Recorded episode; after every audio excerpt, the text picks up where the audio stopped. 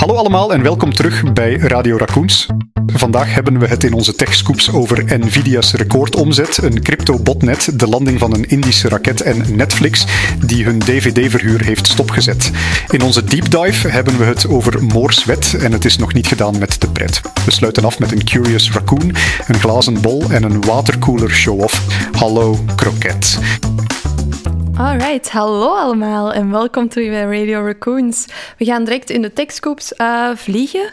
David heeft er eentje en ja, ik durf al bijna niet meer te zeggen over wat het gaat. We zijn er al een beetje beschaamd rond, maar natuurlijk is er weer ChatGPT-nieuws, OpenAI-nieuws natuurlijk, want ze hebben weer een aantal aankondigingen gedaan die toch wel een beetje interessant zijn. Dus in de eerste plaats hebben ze in de afgelopen twee weken een aankondiging gedaan dat het nu ook mogelijk is om hun GPT 3.5 turbo model, oftewel het model die achter ChatGPT zit, mhm. dat het nu ook mogelijk is om die te gaan fine-tunen, om die te gaan trainen op je eigen data, om zo eigenlijk output te verkrijgen die meer in lijn ligt met wat je ervan zou verwachten. Nu, interessant detail daaraan wel, ik had het even opgezocht. En Eén interessant iets om alvast mee te nemen is dat het dus nu mogelijk is om eigen gefine-tuned versies te hebben van die GPT-modellen, maar dat het tot acht keer duurder is om zo'n modellen te runnen tegenover mhm. het gewone baseline ChatGPT-model. Okay. Dus er is ook al wat discussie van in welke gevallen is het eigenlijk interessant om zo'n model te gaan fine-tunen tegenover het eigenlijk gewoon te gaan gebruiken. Want wat is het alternatief mhm. natuurlijk? Ehm, dat is namelijk, zoals we het nu een beetje kennen, prompt engineering. Hè, dat je eigenlijk je instructies meegeeft in de tekst die je aan zo'n ChatGPT-model gaat gaan sturen. Dat zou dan eigenlijk vervangen kunnen worden. Dat zegt OpenAI zelf ook. Mhm. Van kijk, je bespaart eigenlijk geld omdat je die instructies vooraf niet meer hoeft mee te nemen. Maar daarentegen, ja, wel acht keer duurder. De vraag is dan wel degelijk van, kan je je, mm je, inputs acht keer verkorten als je gebruik maakt van zo'n gefine-tuned model? Dus het is een beetje, het is zeker heel interessant voor ons, hè, want mhm. wij kunnen daar nu zelf mee aan de slag gaan. Wij kunnen zien in welke use cases dan nu voordeel oplevert of niet. Maar eh, het is dus zeker niet eh, de heilige graal of zo. Iedereen moet nu van prompt engineering overstappen naar fine-tuning. Het is mhm. een alternatief en een alternatief die niet altijd meest waardevol is. Ja, wat, wat, ik heb gelezen erover is bijvoorbeeld, om het heel concreet te maken mhm, misschien, mhm. Eh, is dat je als bedrijf misschien een heel specifieke tone of voice hebt, uh, waarin dat je communiceert. Stel, ik wil een LinkedIn-post schrijven over Radio Raccoons, ik doe dat in een bepaalde stijl. Uh, ik kan dan een model gaan fine-tunen met al mijn posts die ik al geschreven heb misschien, zodat dat resultaat iets beter is of meer aansluit bij wat ik zou doen. Het is dus inderdaad... Ehm, wat we nu een beetje lezen is van het is zeer geschikt om een bepaalde stijl aan te leren, want dat, dat ja, kost toch wel een beetje moeite om zoiets uitgelegd te krijgen naar ja, een taalsysteem. Ik moet dat nu elke keer inderdaad gaan uitleggen, van, of, of zelf voorbeelden geven. Hè? Dat ik zo zeg van, dit is een normale post, um, schrijf iets gelijkaardig met deze info. En dat zou je dan niet meer moeten gaan doen. Dat moet je dan inderdaad niet meer gaan doen. Maar natuurlijk, hè, waar, waar denken mensen dan misschien wel ook aan, dat is van, ah, ik kan het nu trainen op mijn data. Mhm. Dus ik kan een ChatGPT-systeem creëren die bijvoorbeeld ook vragen kan beantwoorden op basis van mijn uh, webpagina's of documentatie of, of, handleidingen die ik ergens heb liggen. En daar lezen we wel van, dat is, daar is het, minder voor geschikt. Want daar gebruik je beter, uh, eigenlijk, daar hebben we een aantal afleveringen. Inderdaad, daar gebruiken we beter de, de vector databases, mhm. daar hebben we het in een vorige aflevering al eens over gehad. Uh, daar gebruik je beter dat soort systemen die op een intelligente manier gaan zoeken in jouw data, mhm. die daar dan een fragmentje tekst gaan uitpikken en die dat eigenlijk meegeven in het prompt die aan het Mhm. GPT-model wordt gegeven. Misschien nog een klein scoopje. Uh, ik ben momenteel ook een whitepaper aan het schrijven over uh, generative AI. We hebben al mhm. eens een whitepaper geschreven. Nu gaat iets technischer zijn en ook over die zaken gaan, zoals knowledge mining en fine-tuning en zo. Mhm, mhm. En daar wordt het, in, het uh, onderscheid ook iets beter uitgelegd, of ja, iets diepgaander uitgelegd. Je legt dat heel goed uit, David. Um, dus binnen een paar weken is die ook uh, verkrijgbaar. Ik zal daar nog wel eens um, waarschijnlijk een marketingoproep rond doen, maar als je er iets meer over wilt lezen, uh, dan kan dat zeker vanaf dan in onze whitepaper. Voilà, kijk, uitstekende plug, Daphne. Ja, sorry mensen. nu, daarnaast, het is nog niet gedaan met het ChatGPT-nieuws, want zij brengen dan ook nog een andere feature uit. ChatGPT zal binnenkort ook in een Enterprise-editie beschikbaar zijn. ik heb het gevoel dat dat echt al een paar keer is gezegd. Ja, inderdaad. Um, de vorige keer ging het dus inderdaad ook over de vroegste plannen om eh, een soort fine-tunable ChatGPT, privaat ChatGPT-systeem te gaan voorzien. En dus daar zijn ze nu eigenlijk een volledig platform voor aan het uitrollen, die ja, echt wel gericht is op die, die enterprise features. Dat gaat over samenwerken in teams, eh, gemakkelijk informatie met elkaar delen, maar dat gaat ook over enterprise encryptie. Eh, TLS gaan gebruiken om alle communicatie te gaan versleutelen enzovoort enzovoort. En daarboven nog eens de garantie dat uw data niet gaat gebruikt worden om OpenAI-systemen te gaan trainen. Dus echt wel puur gericht op die enterprise features. Het, het OpenAI ChatGPT-systeem zelf mhm. verandert niet. Hè, daar is niets speciaals aan. Het is eigenlijk de aankleding die daar rond wordt gegeven die wel belangrijk is. Daarnaast lees ik bijvoorbeeld ook dat zij zich aangesloten hebben bij een uh, standaard rond uh, open compliance.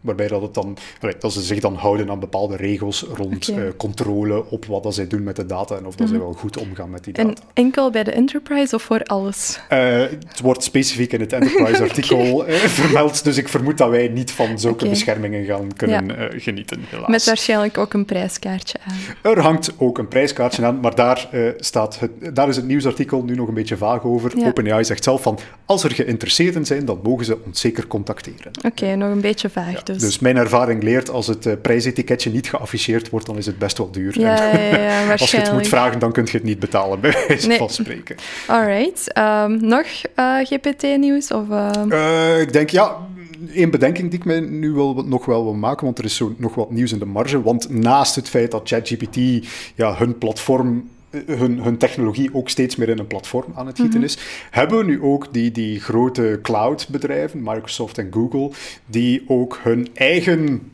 software aan het verrijken zijn Mhm. met die large language model technologie. Zo zien we bijvoorbeeld Google die Duet AI heeft gelanceerd. Uh, zeg maar, ja, we proppen large language models, generatieve AI in dingen, de, de klassieke Office, mhm. Word, uh, Excel, ja. et cetera, et cetera. We gaan daar AI-technologie in gaan proppen.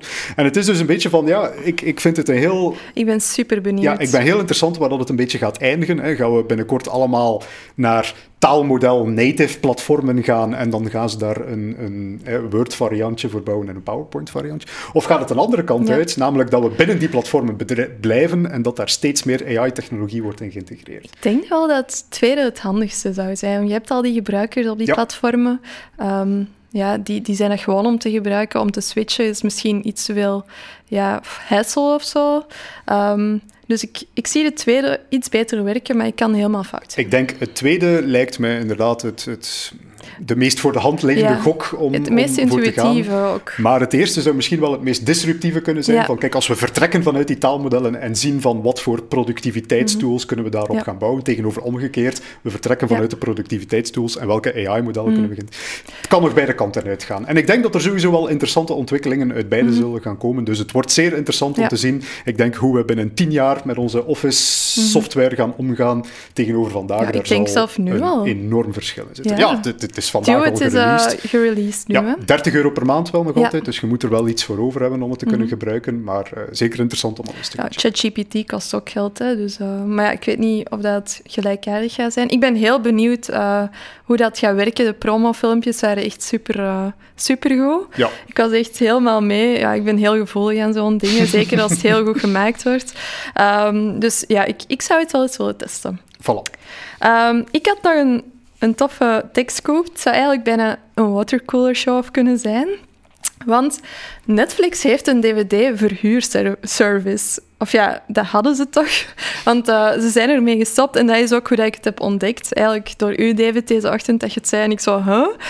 Um, maar al sinds 1998 verhuurde Netflix dus eigenlijk dvd's. Ja, je kent dat wel, zo'n... Um, hoe heet dat? Zo'n winkeltje dat dvd's verhuurt? In, in Amerika is dat zo de Blockbuster. Ja, in uh... België had je dat vroeger ook. Als kind heb ik heel vaak naar zo'n dvd-winkel gegaan om uh, te huren. Um, dat hadden ze dus, dat je online dvd's kon bestellen. dat was ook een subscription van 10 dollar per maand. Um, en later zijn ze dan begonnen met de streaming service. Ja, nu stoppen zo met de DVD-service. En ja, ik denk dat het helemaal gedaan is voor de DVD.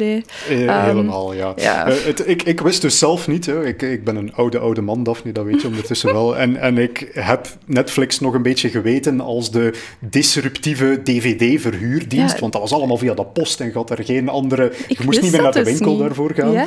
En het is pas later dat ze eigenlijk met het streamingplatform uh, op de proppen gekomen pas zijn. tien jaar dus, later of zo, om, om in 2008 denk ik. Maar ik dacht dat de DVD-dienst al lang dood en begraven Maar dat is dus... Blijkbaar dat draaide niet. nog steeds. En nee. ja, heel interessant ook voor de mensen die er nu nog... Ik, ik snap niet waarom dat je nu nog 10 dollar zou betalen voor dvd's, maar... Misschien is dat betere of andere kwaliteit dan streamen, Kijk, I don't know. Fysieke media, daar zullen nog altijd fans van zijn. Ja, sowieso. Maar, je hebt ook platen, hè? mensen die nog altijd muziek luisteren inderdaad, op platen. Misschien inderdaad. dat dvd's ook zoiets Misschien is. gaat dat zoiets gelijkaardig worden. Onze kinderen en kleinkinderen gaan dan zo vintage Van, dvd's uh, hebben. Papa, kijk je nu op, uh, op Netflix streaming? ik, ik kijk naar dvd's hoor, dat is veel Maar ik had um, dus ook in het artikel gelezen ja? dat ze een zodanig grote stok hebben dat ze zelfs tegen bestaande klanten hebben gezegd van kijk, de dvd's ja. die je liggen hebt, je moet ze niet meer terugsturen, je mocht ze houden ja. van ons. En, ja, uh, en je kijk, krijgt zelfs tien extra dvd's, heb ik gelezen. Als je wilt, kun je nog tien extra dvd's krijgen vanuit onze stok. Dus het is echt wel een totale liquidatie van hun dvd-activiteiten. Yes.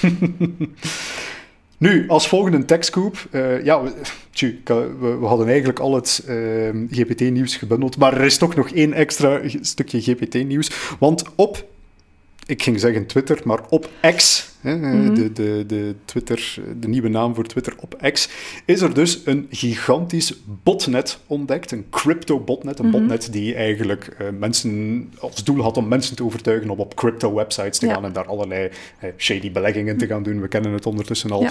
Uh, maar daar hebben ze dus ja, een massaal botnet ontdekt, aangestuurd door ChatGPT. Ja. Dus eigenlijk een, een netwerk van Twitter-accounts, X-accounts, die allemaal ja, berichten post rond uh, crypto's en ook op elkaar gaat gaan reageren. Dus echt Ja. conversaties begint starten Ja, ja. rond die onderwerpen, allemaal met als doel om mensen te gaan binnentrekken. En nu, wat ik zelf enorm interessant vond aan het artikel, is dat de onderzoekers die het botnet hebben ontdekt, dat die zeiden van, kijk, ja, we hebben het alleen maar ontdekt omdat ze echt wel op de meest naïeve manier, op de meest ja, uh, eenvoudige manier daarvan gebruik maakten. Want hoe Mhm. hebben ze dat botnet ontdekt? Simpelweg door te gaan zoeken, ctrl-f gewijs, door alle tweets, as AI-model. Mensen die uh, ChatGPT vaker gebruiken, Ja, ja. zullen weten dat uh, ChatGPT niet altijd rechtstreeks nee. antwoorden wilt geven en dan gaat verklaren, ik ben maar een AI-modelletje. Dus die zin komt heel vaak terug in het begin uh, van, van de antwoorden van ChatGPT. En zo hadden ze het dus kunnen identificeren. Maar ze zeggen min of meer zelf Mhm. van, kijk, als, er, als we dit hebben nu kunnen ontdekken, dan zijn we quasi zeker dat er nog veel gesofisticeerdere Ja. botnets nu al actief zijn, maar waar wij gewoon de middelen niet voor hebben om ze nog te gaan detecteren. Ja, waarschijnlijk waar dat ze meer instructies hebben gegeven van je mag deze zin zeker niet posten. Ja, Um, een beetje dus extra ja. prompt engineering, Ja, en et cetera, et cetera. Een Ik beetje ga vast een voorspelling lanceren. De Amerikaanse verkiezingen komen eraan in 2024 en ik ben er zeker van dat dan eh, toch wel een aantal dingen aan het licht gaan komen. Dat AI, generatieve AI, echt wel op een heel geavanceerde manier wordt gebruikt om Ja. discussies te gaan vormgeven, et cetera. Mhm. Dus eh, ja, kijk, interessante toekomst en ook weer een van die implicaties van generatieve AI en wat mensen daar op niet zo fijne manieren allemaal mee gaan. Ja, misschien nog een implicatie van eh, generative AI. Nvidia. Um, Mensen die bezig zijn met beleggen en financiën, die hebben het waarschijnlijk al wel gehoord. Um, Nvidia is een chipbedrijf um, dat eigenlijk, ja, David, hoe leg je dat uit?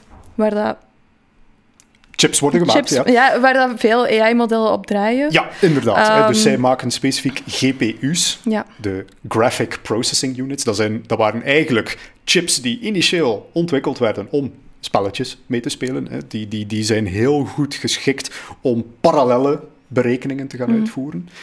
Vandaar Graphics Processing Unit. Ja. Maar eh, enkele jaren geleden hebben we dan ontdekt dat die chips ook best wel geschikt zijn om AI mee te Ja. gaan trainen. En nu zien we min of meer dat Nvidia aan het overslaan is van een bedrijf gefocust op games en gamers en Ja. wat daar allemaal mee te maken heeft, naar steeds meer en meer en meer Ja. een AI-gefocust bedrijf. En, en terecht, hè. Eh, sinds de generative AI-hype, ja, hun financiële resultaten zijn vorige week naar buiten gebracht en het is echt zot. Ik, ben, ik heb zoveel spijt dat ik geen aandelen heb gekocht van hun. Want tegenover vorig kwartaal hebben ze ehm, me- meer dan, wacht, hè, 88% meer uh, omzet gedraaid. Tegenover vorig jaar 101% meer. Dat komt neer op een omzet van 13,51 miljard dollar. Dat is enorm. En dat gaat waarschijnlijk alleen maar meer worden. Hè? Um, Dat kan bijna niet anders. Je kunt je nu ook inbeelden, Nvidia moest vroeger hun GPU's stuk per stuk verkopen aan mm. gamers, die, consumenten, die ook geen oneindig budget hebben. Vandaag de dag zijn er start-ups die smeken om GPU's en niet één GPU, maar liefst honderd of duizend tegelijk. Ja, mhm. dat is natuurlijk uh, goud. Ja, en over smeken om GPU's um, mm. te spreken. Um, China ja, die, die willen zo graag uh, van Nvidia GPU's kopen. Uh, maar ja, de VS ziet dat allemaal niet zo zitten. Uh, wat dat die doen, is eigenlijk slechtere chips verkopen aan China. En China blijft dat kopen, want zelf die slechtere chips zijn effectiever of efficiënter dan ja, hun alternatieven. Dus ja, de Chinese markt die wil die GPU's van Nvidia. Uh, VS zegt, we gaan die GPU's verkopen, maar tot op een bepaalde performantie. Uh, dus die, ja, die maken eigenlijk aangepaste versies, speciaal voor China. Um, ik vind het echt wel zot. Die markt is zo hard aan het boomen. En het toont ook wel aan dat, dat hè, er wordt al vaak gesproken over een chipoorlog tussen de VS en China. En het toont ook wel aan dat dat, ja, China. Uh, dat, dat toch wel zijn effect aan het, aan het mhm. hebben is. Hè. Dat China nu echt wel op zoek moet gaan naar alternatieve bronnen van uh, GPU's en dat zij geen toegang hebben tot de, de, de massale stroom van GPU's waar dat wij in het Westen van kunnen uh, genieten. Dus het kan misschien wel nog eens een belangrijk concurrentieel voordeel worden in Voor de, de VS, ja. Dan als laatste van, de, van China en de VS naar een ander deel van de wereld, India. Want India is er, hebben jullie waarschijnlijk ook al op het nieuws gezien, succesvol ingeslaagd om de Chandrayaan 3 te laten landen op de Zuidpool van de mhm. maan. Zij zijn daarmee het vierde land ter wereld die erin slaagt om te landen op de maan. Mm Dus op zich al een hele verwezenlijking. En het eerste land die erin geslaagd is om op de Zuidpool van de maan te gaan landen. Na natuurlijk een eerdere gefaalde poging van Rusland, die een Luna 25, als ik me niet vergis, de Luna 25 uh, raket worden laten landen. Die is niet gelukt. Daar is een foutje gebeurd halverwege en het is redelijk... Ze zijn wel geland, maar redelijk hardhandig uh, geland op de mhm. maan en daar schiet nu niets meer van over. Daarentegen, India, die hebben na een eerdere gefaalde poging met de Chandrayaan 2 zijn die er nu eindelijk in geslaagd om te landen. Nu, eerst en vooral, what's the big fuss all about? Hè? Waarom zijn we daar nu geïnteresseerd in? Hebben we dat hele maanlanding gedoe niet al een beetje gehad? Ja, is dat niet al 50 jaar geleden? Bij wijze van spreken. Nu, ehm, ja, het feit dat we nu zoveel furoren maken over de Zuidpool van de maan is ook niet toevallig, want hè, er wordt gespeculeerd dat er op de Zuidpool van de maan uh, best veel waterstof mhm. te vinden is specifieke isotopen ook van waterstof, die geschikt zouden zijn om dan later ook brandstof op de maan te gaan produceren. Mhm. Dus het is echt wel een wetenschappelijke missie met als doel om eigenlijk toekomstige langdurige missies op de maan te gaan faciliteren. Dus eigenlijk dat dat een soort tanktussenstop zou worden. Hè? Dat ja, maan... ja, inderdaad. Ja. Tanktussenstop en ook een beetje tankstation voor een eventuele permanente basis op de maan. Die zouden daar natuurlijk ook wel graag gebruik mhm, van maken, van die energiebron. Uh, dus daar, daar zijn ze nu eigenlijk de groundwork voor aan het leggen. Want India heeft ook al een bemande landing op de maan in de koker. Ik weet nog niet meer wanneer dat precies gepland is. ik, heb ook, ik heb ook gelezen dat het best wel impressive is, omdat die helemaal niet zoveel middelen hebben om dat allemaal te doen. Nee. Uh, en er toch in geslaagd zijn om, om daar even te landen.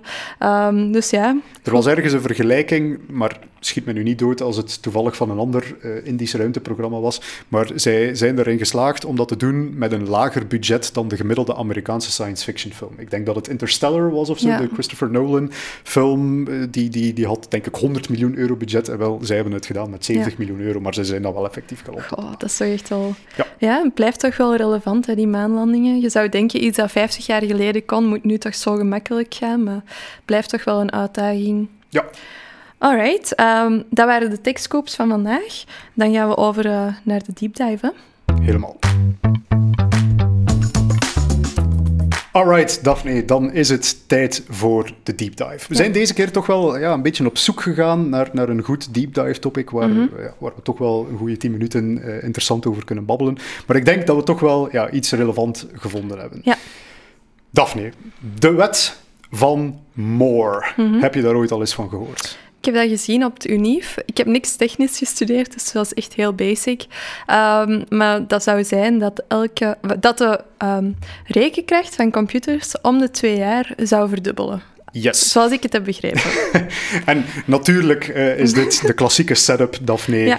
Um, het is een uitleg die bijna juist is. Het is ja. inderdaad de meest populaire uitleg rond de wet van Moore die gegeven wordt. De, de rekenkracht van een computer verdubbelt om de twee jaar. En ja, het is, het is, het is bijna juist. Hè, maar eigenlijk, wat heeft Mr. Gordon Moore destijds mm voorspeld? Dus misschien een stapje terugnemen. Waarvan komt die wet eigenlijk in godsnaam? Uh, Mr. Gordon Moore is een van de medeoprichters van Intel. Mm -hmm. Intel is waarschijnlijk wel gekend als het chipbedrijf in ja. uh, de hele wereld. En die had in 19, ergens in de jaren 60, 1965 of zo, geobserveerd dat die allervroegste processoren, die toen mm -hmm. uh, op de markt aan het komen waren, dat die een, een bepaalde tendens leken te volgen. namelijk dat, en dit is nu de technisch correcte uitleg die mm -hmm. daaraan gegeven wordt. Namelijk dat het aantal transistoren op een chip voor een gegeven volume, eh, voor een gegeven oppervlakte, sorry, voor een gegeven oppervlakte, dat die om de twee jaar leek te verdubbelen. Mm -hmm. Nu, natuurlijk, ergens een processor maakt gebruik van transistoren om berekeningen te gaan uitvoeren. Misschien moeten we daar eens een deep dive mm -hmm. over doen, over hoe dat, dat precies werkt. Maar vertrouw ons maar, die maakt gebruik van transistoren om zijn berekeningen uit te voeren. En natuurlijk kan je ook dan zeggen, zonder al te fout te zijn, van kijk, twee keer zoveel transistoren is ergens ook twee keer zoveel rekenkracht. Ja, dus mijn dus, uitleg was wel juist. Het is, het is inderdaad min of meer juist. Uh, ze zijn alle twee sterk gecorreleerd aan elkaar. Ja. Je gaat niet twee keer zoveel transistoren toevoegen en dan niets van winst hebben in rekenkracht, want dat is uiteindelijk wat je wilt. Nu, dat wordt de wet van Moore genoemd, maar ja, het is eigenlijk niet echt een wet, want het was eigenlijk gewoon een observatie van Moore op basis van de trend, de historische trend. En toen al gaf hem aan van, kijk, ik kan hier wel wilde extrapolaties van gaan maken. Van, kijk, ja, ergens in het jaar 2000 gaan we miljoenen en miljarden transistoren op één chip gaan zetten. En toen werd daar een keer goed mee gelachen. Mm -hmm. Maar wat blijkt, de wet van Moore is eigenlijk een soort self-fulfilling prophecy geworden. Ja. De, de, de grote baas heeft een voorspelling gedaan en min of meer het hele bedrijf is zodanig georiënteerd, zodanig ja. dat ze zich kunnen blijven houden jaar op jaar op jaar op de grote voorspelling. Het wordt dan ook wel soms eens uh, Moore's businessmodel in plaats van Moore's wet genoemd om aan te duiden van kijk, ja, ja.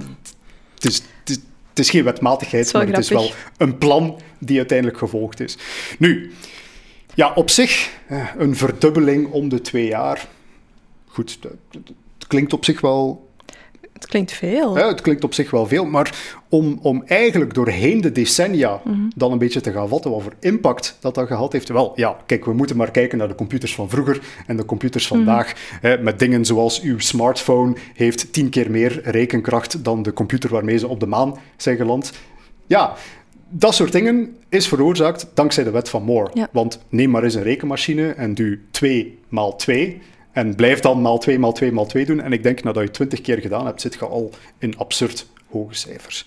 Dus onze chips, onze CPU's, onze dingen die wij gaan gebruiken in onze computers, die zijn om de twee jaar ja, steeds maar meer maal 2, maal 2, maal 2, maal 2 beter geworden. En dat heeft toch wel ja, een, een heel grondige impact gehad op wat we eigenlijk vandaag de dag allemaal kunnen doen met onze computers. Nu, Vandaag de dag zien we, helaas, de, de man is ook enkele maanden geleden ja. overleden. Hij is er nu niet meer zelf om ja. zijn theorie te verdedigen. Ook al heeft hij altijd gezegd van, oh nee, dat was eigenlijk geen theorie ja, van mij. Dat was, was een business dus, zo, Het was gewoon een observatie, oké. Okay, uh, gelieve mij niet te blijven verbinden aan, aan dit uh, eeuwigdurend pact of zo. Maar we zien de laatste tijd toch wel steeds meer artikelen verschijnen dat de wet van Moore dood, of toch op zijn minst stervende zou zijn. Wat een de, Dat, wat een correlatie dat hij sterft ja, en dan zijn wet uh, met Nu dat hem zelf dood is, is het misschien definitief ja. gedaan. Uh, uh, maar, maar ja, daar wordt toch wel veel over bericht. ook in technische media wordt er heel veel, heel veel over gebabbeld. Mm -hmm. Van kijk, hoe lang gaan we dit eigenlijk nog kunnen volhouden? Ja. Want, hè, wat is natuurlijk belangrijk om te weten, misschien een klein stapje terug, want we moeten misschien ook wel even babbelen over hoe dat we die chips effectief maken. Mm -hmm. hè, over hoe worden die chips effectief gebouwd en waarom kunnen we niet blijven doorgaan met dit proces. Je hoort het al ergens, twee keer zoveel transistoren op dezelfde ruimte, mm -hmm. wilt ook ergens zeggen dat die transistoren twee keer zo weinig ruimte innemen. want anders is er geen plaats meer in diezelfde. En ja, dat is dus een proces die zich jaar na jaar na jaar na jaar na jaar heeft voorgezet. Met als resultaat dat wij vandaag de dag aan het kijken zijn naar uh, processoren met transistoren die 4 nanometer breed zijn. Ja. 4 nanometer is klein, dat weten we allemaal. Maar om, om een beetje goed in perspectief te plaatsen hoe klein precies. 4 nanometer, gegeven de grootte van één atoom silicium, namelijk het materiaal waaruit mhm. onze processoren uit zijn gemaakt, is gelijk aan vijf atomen. Ja. En dit hè, plaatst het al een beetje goed in perspectief. Dat, dat kun je echt niet voorstellen, vind ik. Hoe het klein is, dat, is is. Heel, ja, het is, de, de, de schaal ervan is bijna onbevatbaar. Om echt te gaan beseffen van op welke schaal dat wij precies gaan bezig zijn. Dat is toch echt super, super, super klein. Super, super, super klein. En het speciale zelfs, het fabrikageproces. Hoe maken we, hè, hoe, hoe, hoe, doen we dat eigenlijk? Zelfs met vijf atoompjes, is dat met een pincetje dat we ze allemaal hè, eh, op de juiste plaats gaan zetten. Niet, de manier waarop dat gemaakt wordt, is min of meer dat we beginnen met een blok puur silicium, puur materiaal. Mhm. En dat we dan met een enorme, ja, sterke laser, min of meer de CPU gaan etsen in dat materiaal. Dus we maken met een laserke eigenlijk inkervingen in een blokje silicium en dat wordt dan eigenlijk onze processor.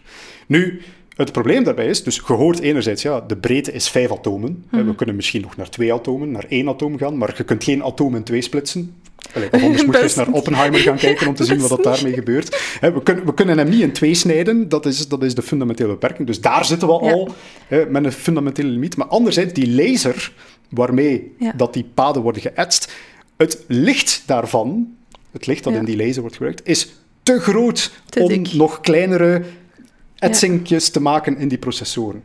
Waardoor dat we vandaag de dag bijvoorbeeld spreken over extreme UV lithography. We, gebruiken eigenlijk extreem UV-licht, die mhm. qua golflengte zeer klein is, om nog kleinere etsingsjes te gaan maken. Maar om al te beseffen dat licht te groot is voor onze doeleinden, is eigenlijk al een, een ja, heel mind-blowing, ja. mind-blowing manier. Je kunt daar bijna niet over nadenken, ja.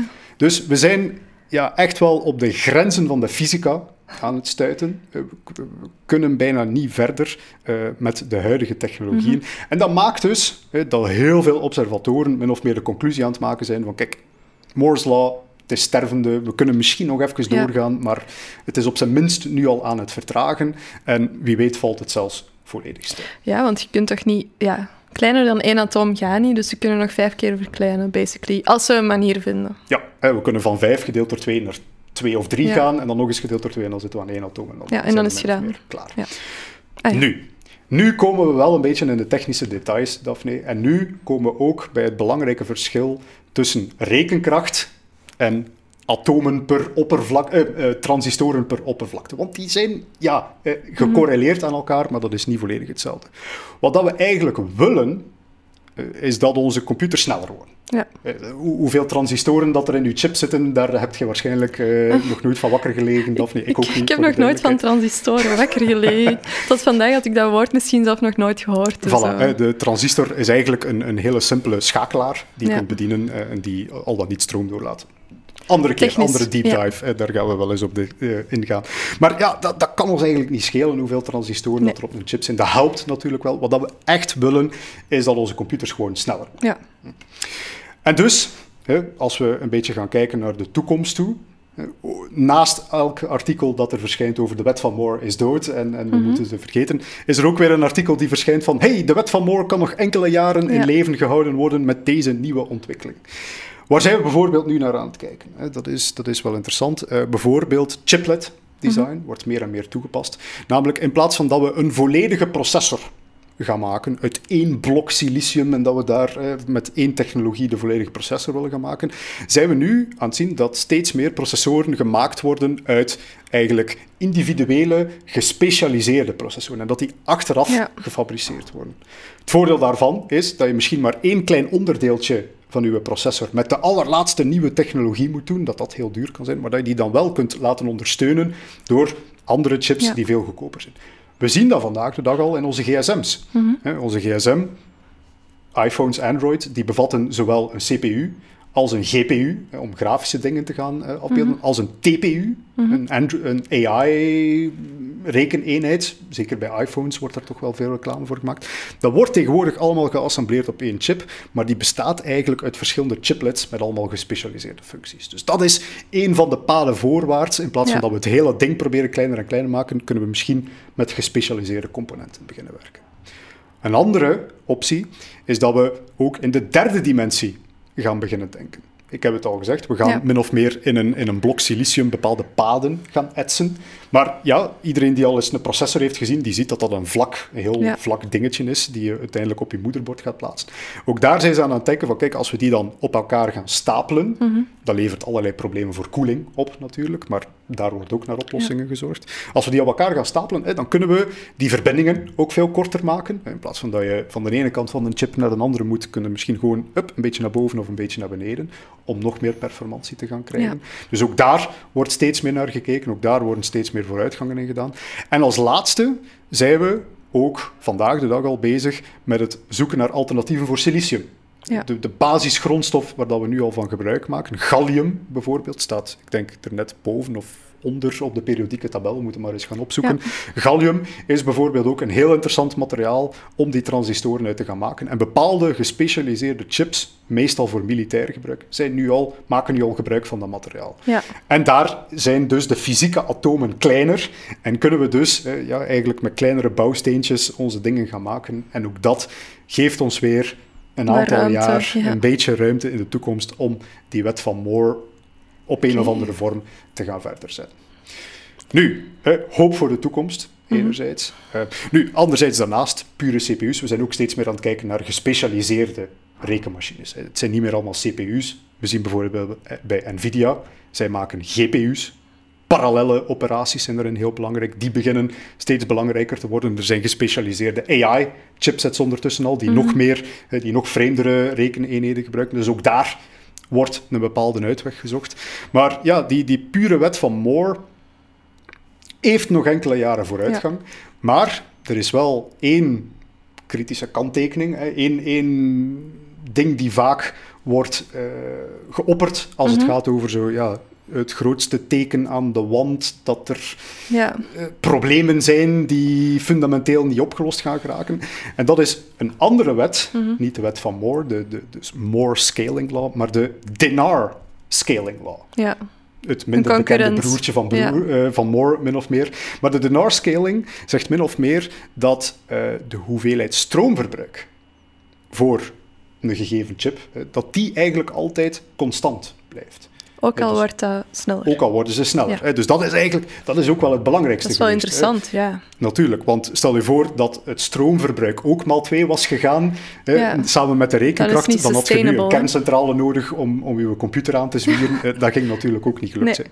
Dus het feit dat dat de afgelopen jaren beginnen stijgen is en dat daar geen daling in te merken valt, is voor veel observatoren zo'n beetje een teken aan de wand van oei, dat is toch wel problematisch. Mhm. Want stroomverbruik staat ook gelijk met warmteproductie. Mm En hoe meer warmte een chip produceert, hoe meer koeling dat er moet worden voorzien. En ook daar zit je op een gegeven moment op een fundamentele limiet.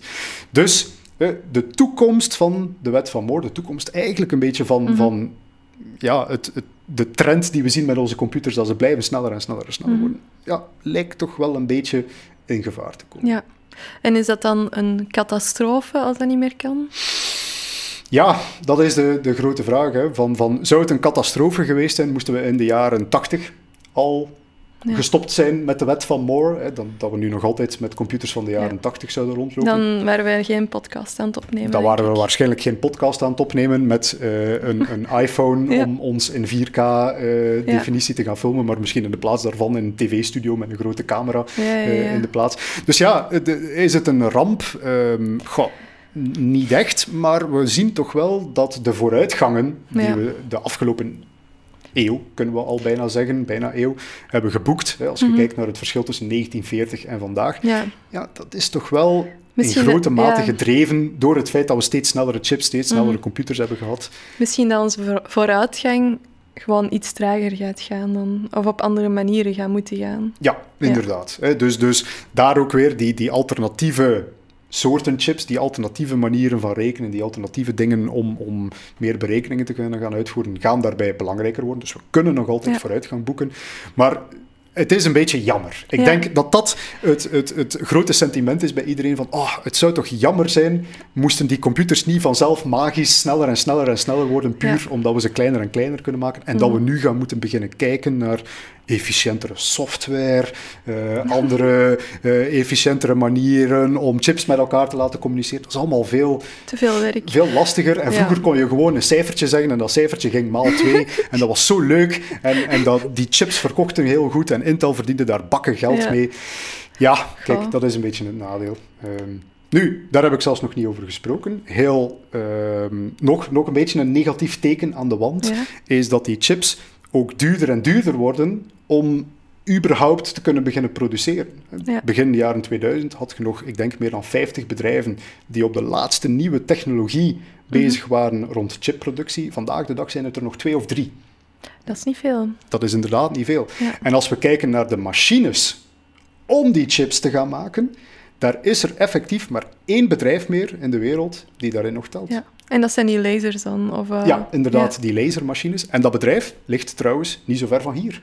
Huh? Dat is ASML. En ASML ligt in Nederland. Ah, wow, oké. Ja, zeker interessant om dat bedrijf Ja. eens te gaan opzoeken. Want die, dat bedrijf, ik durf te wedden als het gaat over zo strategische gesprekken over China en de VS en Biden zit ergens in een kamer om het over chips te hebben, dan is dat Nederlands bedrijf strategisch objectief nummer één. Want zij Ja. zijn de enige, Amai. enige die nog de machines kunnen maken die de volgende generatie van chips kunnen gaan produceren. Ja, monopolie, dat kun je wel eh, zeggen dan. Ja, inderdaad. Dus ook dat is weer een teken aan de wand. Ja. Eh, Het wordt steeds minder economisch, er zijn steeds Mhm. minder spelers in de markt, er is steeds minder concurrentie. En steeds meer vraag. Dus dat is een motor die uiteindelijk misschien wel Ja. gaat stilvallen. Oké, amai. Eh, ja, dat is dus echt veel meer dan dat ik ooit wist over Moore's Law. David, je bent weer heel diep gedoken. Ehm, merci voor de uitleg. Mijn hoofd zit echt helemaal vol nu. Ehm, maar ja, ik denk wel... Ja, ik ben heel benieuwd wat dat het volgende gaat zijn. Hou me een beetje op de hoogte, want ik volg dat zelf allemaal niet zo op. Maar gelukkig heb ik u om erover te vertellen. Voilà, kijk. Ehm, en dan, ja, denk ik... Of heb je nog iets te vertellen erover? nee, ik denk dat ik nu wel uitgepraat Bent ben. je Eh, uitgepraat? laat ons binnen tien jaar nog eens afspreken om te Ja. zien hoe dat het is met de wet van Moore. Misschien is het dan nog altijd Ja. artikelen over de wet van Moore is dood, de wet van Ja. Moore is dood. En, en zijn we nog altijd aan het verder puffen. Maar wie weet. Wie weet, oké. Dan gaan wij verder naar de glazen bol van David. Yes. Alright, ehm, de glazen bol van David. Eh, deze keer hebben we geen voorspelling, maar eentje die is uitgekomen, of dat denk ik toch althans. Want ik weet niet of dat jullie het hebben gehoord, maar onze introductie was niet David. Ehm, het was zijn AI-vriendje of zijn AI-clone. Eh, we zijn erin geslaagd om zijn stem te klonen, en die van mij ook trouwens, met Eleven Labs, want die hebben onlangs eh, de Nederlandse versie van voice cloning gereleased en ik vond de resultaten echt verbluffend. Ehm, ik had het achter David zijn rug gevraagd aan een paar AI-engineers hier bij ons eh, om, om mij daarbij te helpen. En ik had dan een fragmentje doorgestuurd naar hem. Ik zal het even opzetten. Daphne is echt de beste co-host die ik kon wensen voor de podcast. Ik kijk al uit naar de volgende aflevering. David, wat Ja. vond je daarvan? Ja, eh, natuurlijk. Je wordt daar automatisch een beetje ongemakkelijk van. Want natuurlijk, Daphne, zou ik iets, zoiets nooit, nooit of te nimmer zelf zeggen. Hè. Dus ik wist meteen dat het iets fake moest zijn. Maar, maar ja, nee, heel serieus. Ik, eh, het, het is toch wel eigenaardig. Ik wist Ja. dat het eraan zat te komen, hè, dus dat het op een duur wel zat te gebeuren. Maar om dan toch je eigen stem te horen, Ja, iets ja. zeggen dat je niet zelf hebt uitgesproken, dat was al meteen van, wacht, moet ik hier nu een advocaat eh, beginnen consulteren om mijn stem te gaan beschermen? Of eh, wat gaat er hier precies gebeuren? Nu, ik heb wel veel vertrouwen natuurlijk in het feit dat jullie eh, niet zomaar Nee, nee, mijn stem overal gaan verspreiden, dat ik niet ergens in het station ga eh, met mezelf horende aankondigingen doen. Maar ja, het is toch wel iets eigenaardig Ja. om, om Het komt al echt dicht bij huis nu, hè? Ja, inderdaad, inderdaad. Ja, dus uh, wij hadden voorspeld een, paar afleveringen geleden al uh, dat wij ooit een segment van de podcast AI Generated uh, zouden doen en dat jullie het niet zouden gemerkt hebben. Ik weet niet of dat jullie het hebben gemerkt. Misschien wel. Het is nog niet perfect natuurlijk. Hè. Eigenlijk is het ook een Nederlandse versie, Mhm. geen Vlaamse versie. Dus soms komt er zo een beetje een Nederlands accent uit als je het probeer- probeert. Maar het is wel echt zot. Ja. Ik was echt impressed. Ehm, ik vond het een heel toffe voorspelling die is uitgekomen. Misschien ook een soort van self-fulfilling prophecy. Hè? Ja. Ehm, want ja, ik had het zelf voorspeld over onze eigen podcast. Dan moest ik het wel laten gebeuren. Ga, gaan we zo beginnen worden van dat we onze glazen bollen zelf gaan in vervulling beginnen brengen? Want ik heb ook zelf al bedacht van ja, wij moeten altijd rekenen tot als Google en ja, Meta een keer uh, van hun gat komen om onze voorspellingen te laten in orde komen. Het is toch wel gemakkelijker als we zelf onze voorspellingen kunnen laten uitkomen. Hè? Misschien eens over nadenken tegen de volgende. Uh, maar ja, dat was hem dus. En dan uh, gaan wij over naar onze Curious Raccoon. Yes. Wij hebben weer een Curious Raccoon. Um, Sam Serin, ik weet niet of dat, dat ik uw naam goed uitspreek, um, maar we hebben uw vraag wel gekozen om vandaag te beantwoorden. Um, dus hier komt hij, David. Ja. Onlangs zeiden jullie in een aflevering dat het gebruik van Stack Overflow enorm is gedaald door de komst van ChatGPT. Klinkt logisch.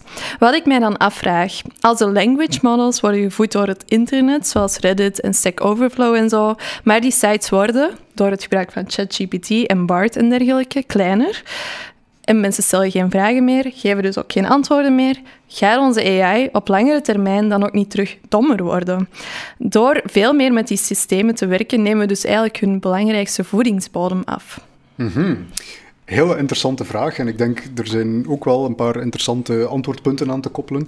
Uh, in eerste instantie is het wel een interessante bedenking die Sam mhm. zich heeft gemaakt, want het is ook een bedenking die onderzoekers bij Oxford zichzelf hebben eh, gesteld. Met dan vooral van, ja, als steeds meer content AI gegenereerd wordt, en we gebruiken die AI-gegenereerde content om andere AI-systemen te creëren, krijgen we dan niet een soort ja, feedback loop, mhm. eh, waarbij dat er uiteindelijk zaken sterk beginnen mislopen. En zij hebben uit hun onderzoek wel degelijk geconcludeerd dat dat een bedreiging vormt. Ze noemen het zelf model collapse. Mm Fantastische terminologie, by the way. Model collapse. Waarbij ze effectief geobserveerd hebben dat als je een model blijft bijtrainen met zijn eigen output, mhm. min of meer, dat die uiteindelijk, ja, ze beschrijven het zelf, gek wordt. Dat die nonsense output begint te produceren, dat die steeds verder begint te divergeren van eigenlijk menselijke mm output.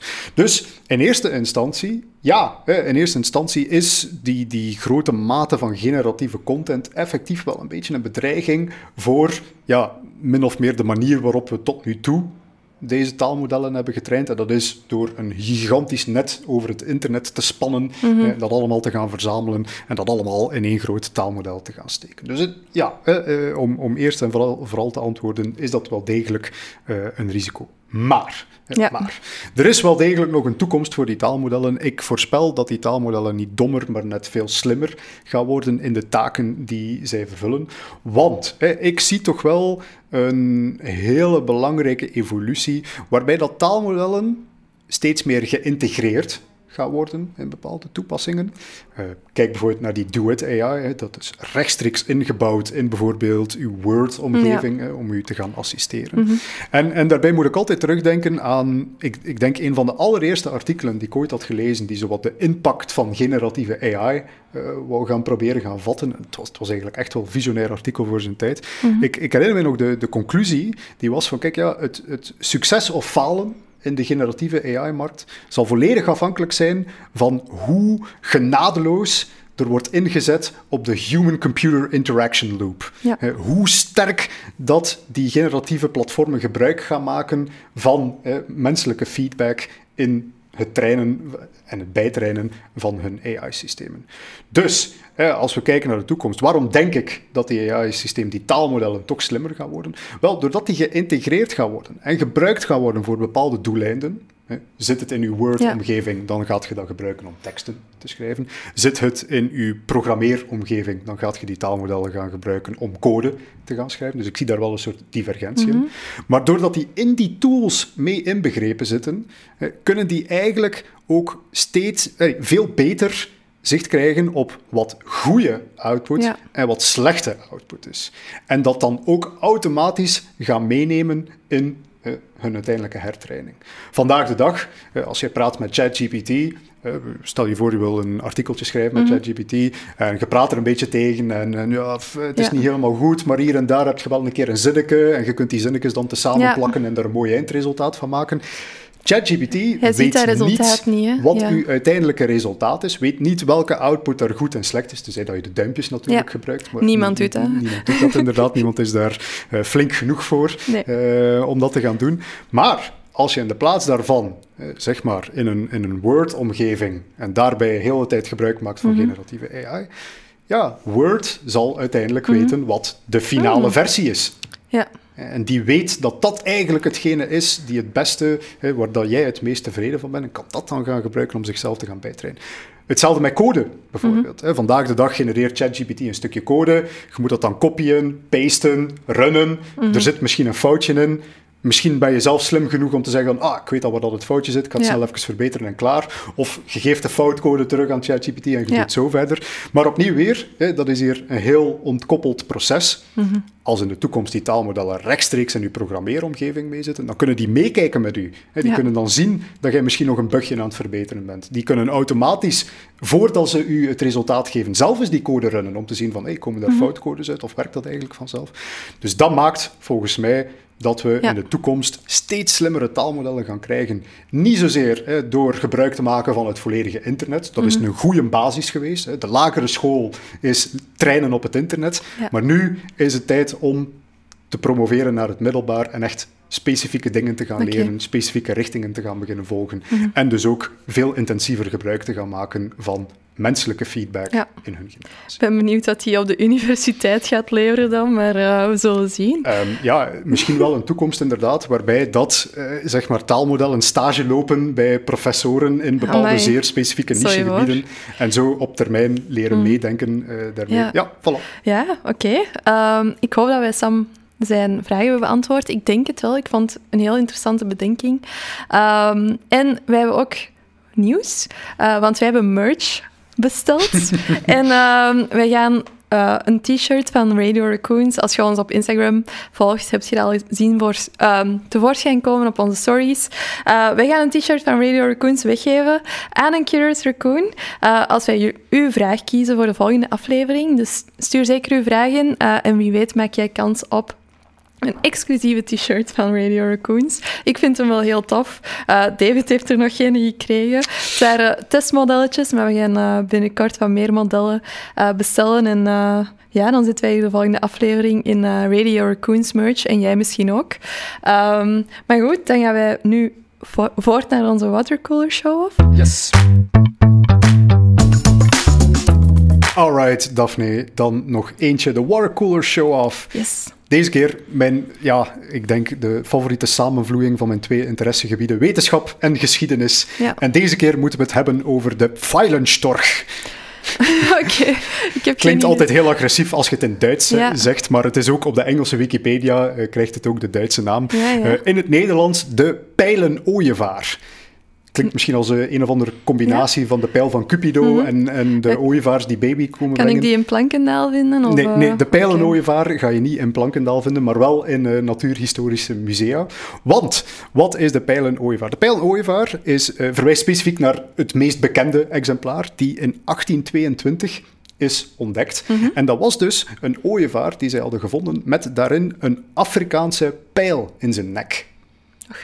Ja, inderdaad, in de eerste plaats Ocharme. Maar ook wel hoera voor de wetenschap, want eh, destijds, in 1822, wist men eigenlijk niet zo goed waar het overgrote deel van de vogels naartoe Ja. ging in de winter. Die verdwenen gewoon. Ja, die verdwenen en er waren inderdaad leidende theorieën dat zij zouden veranderen in andere vogels, dat ze zouden verva- vervangen worden door muizen, hè, dat ze transformeren in muizen in de winter, dat ze zich ingraven in, Mhm. In de grond ergens. 1822 nog. 1822, inderdaad, best laat om nog niet te weten waar eh, de vogeltjes naartoe gaan in de Ja. winter. Maar het was Dat dus kan. helemaal niet geweten. Oké. Met de ontdekking van die ooievaar, met daarin een Afrikaanse pijl in zijn nek. Werd dus in 1822 voor eens en voor altijd bewezen dat de vogels in de winter naar het zuiden trekken, naar Afrika trekken. En dus een van die ongelukkige ooievaars heeft daar in zijn trektocht een pijl in zijn nek gekregen, heeft dat overleefd Mhm. en is dus helemaal teruggevlogen naar Europa, waar hij daar ergens in Duitsland, vandaar de Feilenstorche, eh, is ontdekt. En zo dus het bewijs is geworden voor de migratie van vogels in de winter. Wauw. Oké. Dat wist ik helemaal niet. Ehm, ja, het lijkt zo'n logisch weetje. Alleen je weet dat gewoon dat dat zo is. Maar ja, dat- iemand moet het ooit ontdekt hebben en dat is dus op die manier. Voilà. Alright. ehm goeie watercooler show-off. Eh, ik ga u nog niet moeten vervangen, want je komt nog met genoeg weetjes. Eh, ik heb uw stem al, maar uw brein nog niet, jammer genoeg. Ehm goed, dat is, daar zit onze aflevering Yes. er terug op. Um, stuur zeker uw vraag door. Als je um, een t-shirt wilt van Radio Raccoons, um, zijn echt heel tof. En uh, dan zien wij jullie over twee weken. Tot dan.